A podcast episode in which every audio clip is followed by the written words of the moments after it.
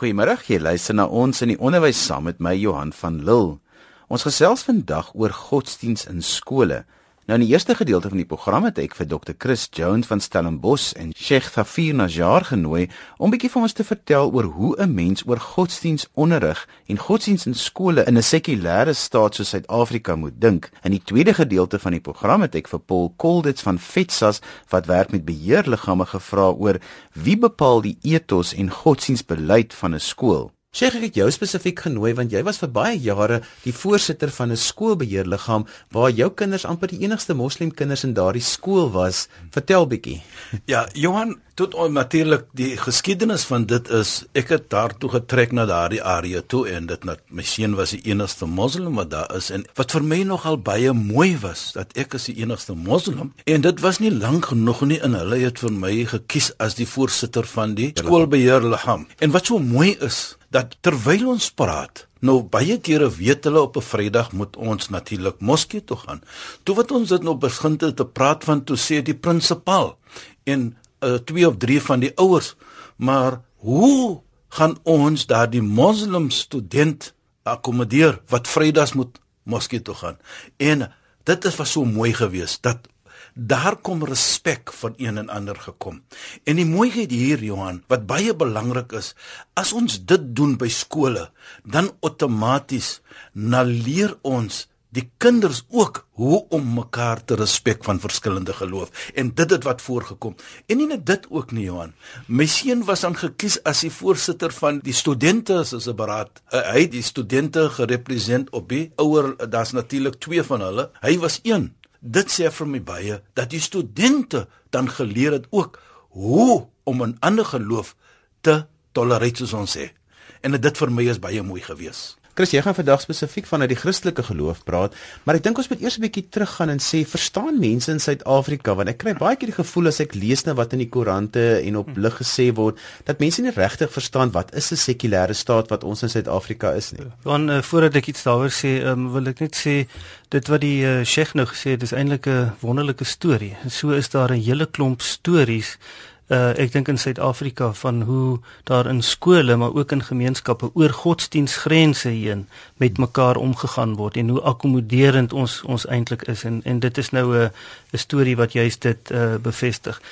Um dit is 'n baie belangrike vraag Johan die een oor 'n uh, sekulêre staat. Um ek dink die een ding wat ons moet verstaan is dat 'n godsdienstonderrig in 'n sekulêre staat. In 'n sekulêre staat beteken eintlik daar waar die staat homself nie verbind aan 'n spesifieke godsdiens nie, waar hy nie een godsdiens bo die ander ag nie. So um, in 'n in 'n sekulêre staat is godsdienstonderrig in so 'n staat eintlik in die eerste plek 'n opvoedkundige aktiwiteit en nie 'n religieuse aktiwiteit nie.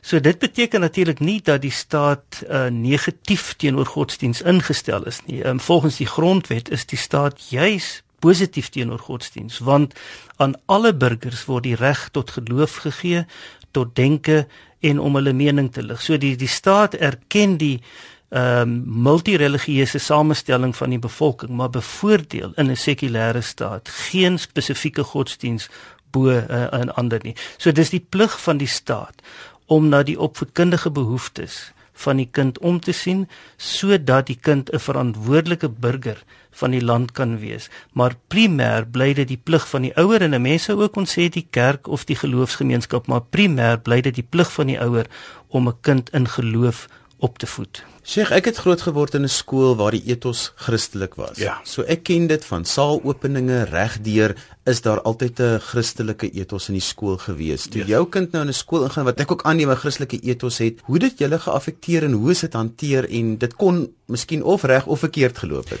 Johan herinner vir my van myself en voordat ek dit daar nog kom by daardie van my seun. Toe ek op skool was, dis was 'n Christelike ethos skool. Ons het uit die Bybel gelees beter as sommige Christene, want ons het elkeen 'n kans gekry om uit die Bybel te lees. En die hele idee was daar dat dit was niks verkeerd om te lees uit die Bybel, sodat ek kan verstaan beter my vriend wat lank as my sit wat Christen is. En as ek kom na die skool wat my seun gegaan het, tot daardie tyd wat hulle as hulle Bybelstudies kom, maar sê ek vir hom, gaan leer hoe jou vriend se geloof is sodat jy hom beter kan respek.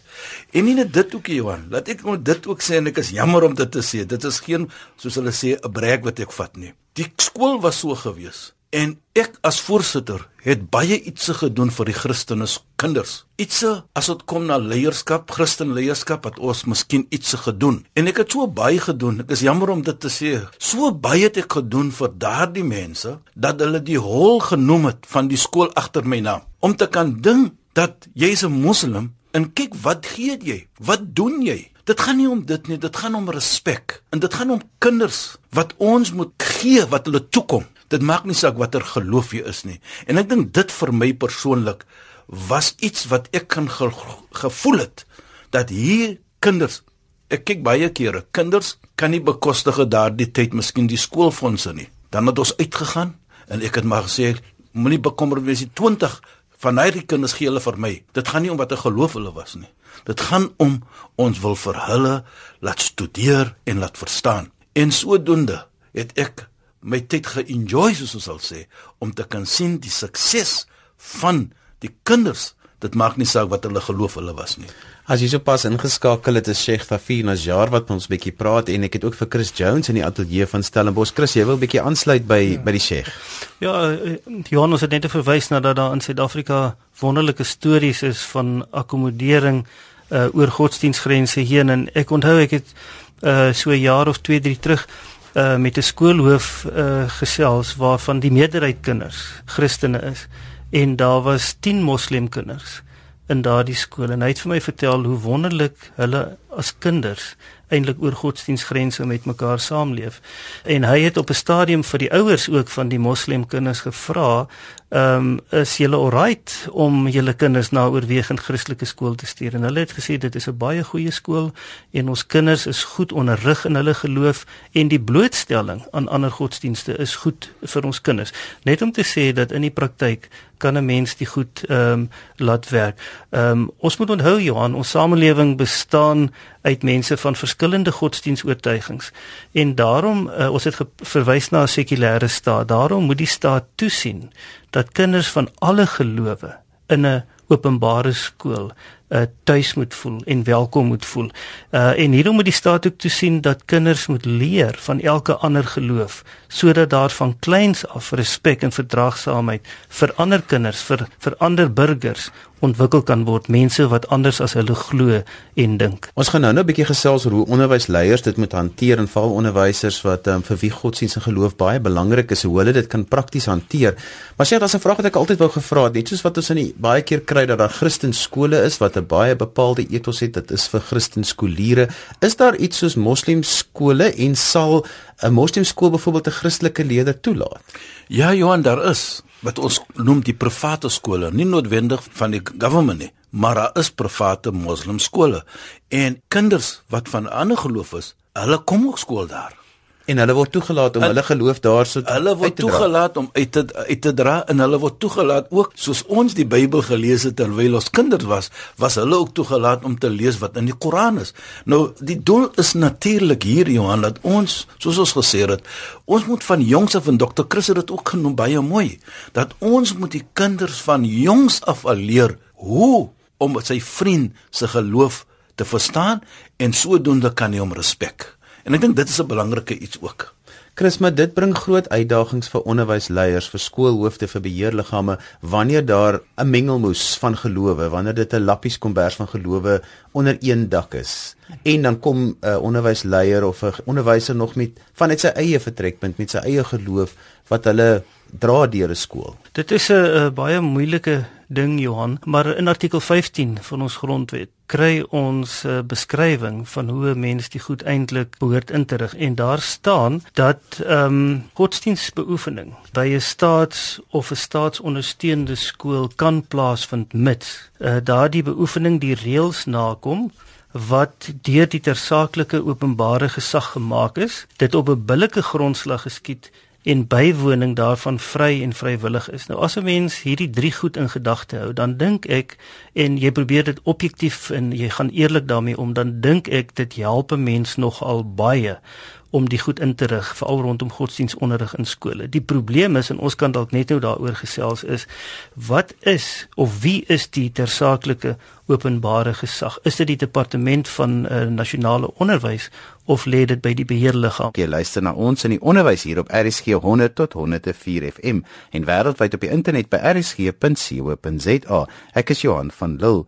Vandag gesels ons oor godsdiens in skole. In die eerste gedeelte van die program het ons gesels oor hoe behoort 'n mens oor godsdiensonderrig in 'n sekulêre staat soos Suid-Afrika te dink. In die tweede gedeelte van die program wil ek graag gesels oor wie bepaal die ethos of godsdienstbeleid van 'n skool. En om hieroor te gesels het ek vir Paul Kolditz genooi van FETSAS. FETSAS is betrokke by die bestuur van beheerliggame in Suid-Afrika. Paul, jy is op die oomblik ook nogal betrokke by 'n hofsaak wat opspraak verwek juis rondom godsdienst in skole. Inderdaad so, ja, uh ons is in die proses om ons opponerende stukke te finaliseer en te leaseer en uh dan uh op die gouste voorsien ek dat ons teen die einde van die jaar eers in hof sal wees en daar finale beregting sal plaasvind van die verskillende standpunte oor hierdie kwessie. So Paul, kom ons praat oor die godsdienstbeleid van 'n skool. Wie bepaal dit? Die eerste ding wat 'n mens moet onderskei, Johan, is dat daar verskillende konsepte is, elk met sy eie betekenis. Die een is natuurlik dan nou godsdienstonderrig. Dit is die onderrig in 'n bepaalde godsdiens met die doel om 'n persoon se geloof te versterk of dalk selfs die persoon te bekeer tot daardie spesifieke geloof. Die tweede ene is godsdienste onderrig. Dit is die onderrig van die verskillende godsdienste wat in die wêreld bestaan. En dan die derde ene wat ek dink beklemtoon moet word, is die kwessie van godsdienstbeoefening. Dis nou die rituele van 'n bepaalde godsdiens, soos byvoorbeeld in die Christelike konteks die lees van Bybel, sing van Christelike of godsdienstige liedere, saam bid ensovoorts. Dit is wat godsdienstbeoefening is. Nou die die maklikste om mee te begin is dat artikel 7 van die skolewet bepaal dat die beheerliggaam van die skool moet reëls neerlê of kan reëls neerlê vir godsdienstbeoefening by die skool met daardie godsdienstbeoefening voldoen aan twee vereistes. Die eerste ene is dat die aanbieding daarvan op 'n billike wyse moet geskied en die tweede een is dat deelname daaraan vry en vrywillig moet wees. Nou billik beteken nie gelyk nie, maar billik. So as daar verskillende geloofsgemeenskappe in 'n bepaalde skool is, dan moet die reëls voorsiening maak daarvoor dat daar uh nie noodwendig gelykberegtiging moet wees tussen die verskillende godsdienste nie, maar dat aan almal billike geleentheid gegee moet word om godsdienstbeoefening uh aan deel te neem. Uh en dan vry en vrywillig spreek van self. Ek meen die deelname daaraan, jy kan nie mense dwing om daaraan deel te neem nie. Uh dit is die maklike een godsdienstbeoefening. Dan oor godsdiens en ethos en hierdie tipe van dinge. In jou inleiding het jy gesê dat Suid-Afrika 'n sekulêre staat is. Daar is nogal taamlik sterk bedenkinge daaroor of dit inderdaad regtig so is. Sekulêr sou beteken dat daar 'n absolute skeiding tussen staat en kerk is soos wat die geval is in die Verenigde State van Amerika waar daar geen godsdiens in skole en in openbare ruimtes toegelaat word nie wat ten minste deur die staat gefinansier of onderhou word nie. Uh in Suid-Afrika bepaal die grondwet dat elkeen die reg het op vryheid van onder andere godsdiens. Die die grondwet sê ook dat 'n regspersoon ook dieselfde regte het as wat 'n natuurlike persoon het tot die mate waartoe daardie regte toepaslik is vir daardie regspersoon. Openbare skole in Suid-Afrika is nou belangrik om te sê, is nie staatsskole nie, dis openbare skole en hulle is almal regspersone. So dit impliseer dan dat 'n regspersoon die skool ook geregtig is op die reg op vryheid van godsdiens. En artikel 20 van die skolewet plaas 'n verpligting op 'n beheerliggaam om 'n missiestelling vir die skool te bepaal. 'n Missiestelling is gewoonlik daardie ding wat sê waarheen is ons op pad? Waar kom ons vandaan? Wie is ons? Waarheen is ons op pad en hoe gaan ons daar uitkom? En gewoonlik is 'n missiestelling ook iets wat die ethos van die skool bevat en verwoord. So op dië manier is die beheerliggaam eintlik verplig om te sê watse tipe skool is hierdie? Ehm um, is hierdie 'n sekulêre skool? Is hierdie 'n uh, Christelike skool? Is dit uh, het dit enige bepaalde uh, godsdienstige konnotasie?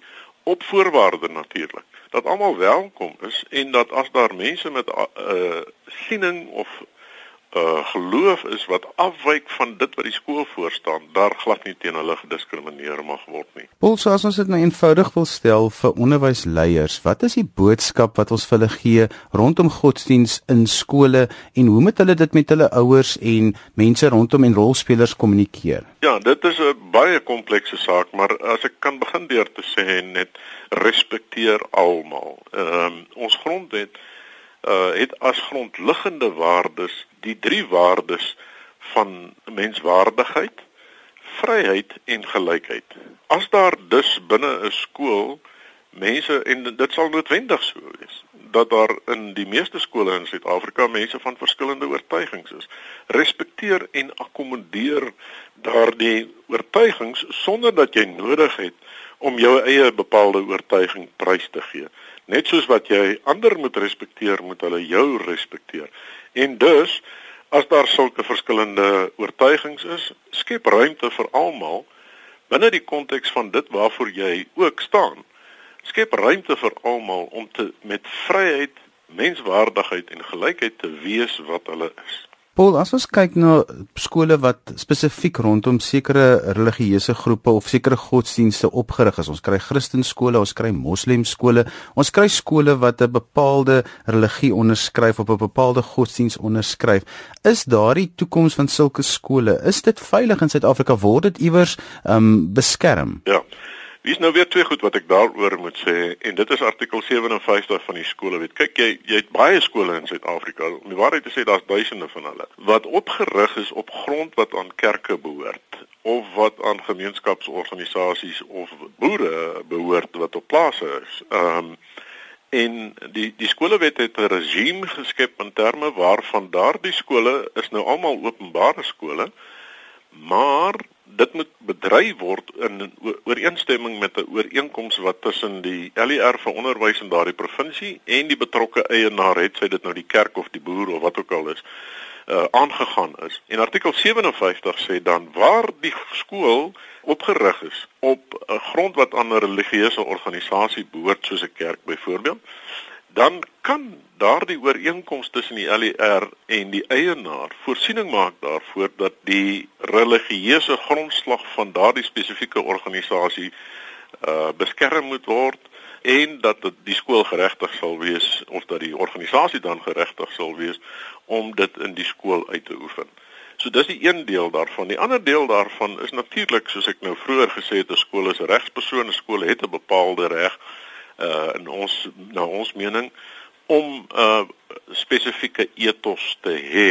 Dus uh, of jy nou 'n Christelike skool of 'n Moslemskool of 'n Hindoe skool wil wees, jy het die reg om dit te wees mits jy nie diskrimineer teen diegene wat van jou verskil nie en hulle is steeds welkom om die skool by te woon en as hulle dit doen, moet 'n mens billik teenoor hulle optree, hulle respekteer en deelname van daardie andersdenkendes aan jou godsdienstige of godsdienstbeoefening moet vry en vrywillig wees. Dis en alwaar vir ons tyd het vandag. Onthou jy kan weer na die program luister as 'n potgooi. Laai dit af by rsg.co.za. Skryf gerus vir my indien jy enige navrae het oor die program of my gaste se kontakbesonderhede verlang. My e-posadres is Johan@wwd.co.za. Dankie dat jy na ons in die onderwys geluister het hier op RSG 100 tot 104 FM. Onthou jy kan weer na ons die onderwys luister as 'n potgooi. Laai dit af by rsg.co.za. Van my Johan van Lille tot 'n volgende keer. Totsiens.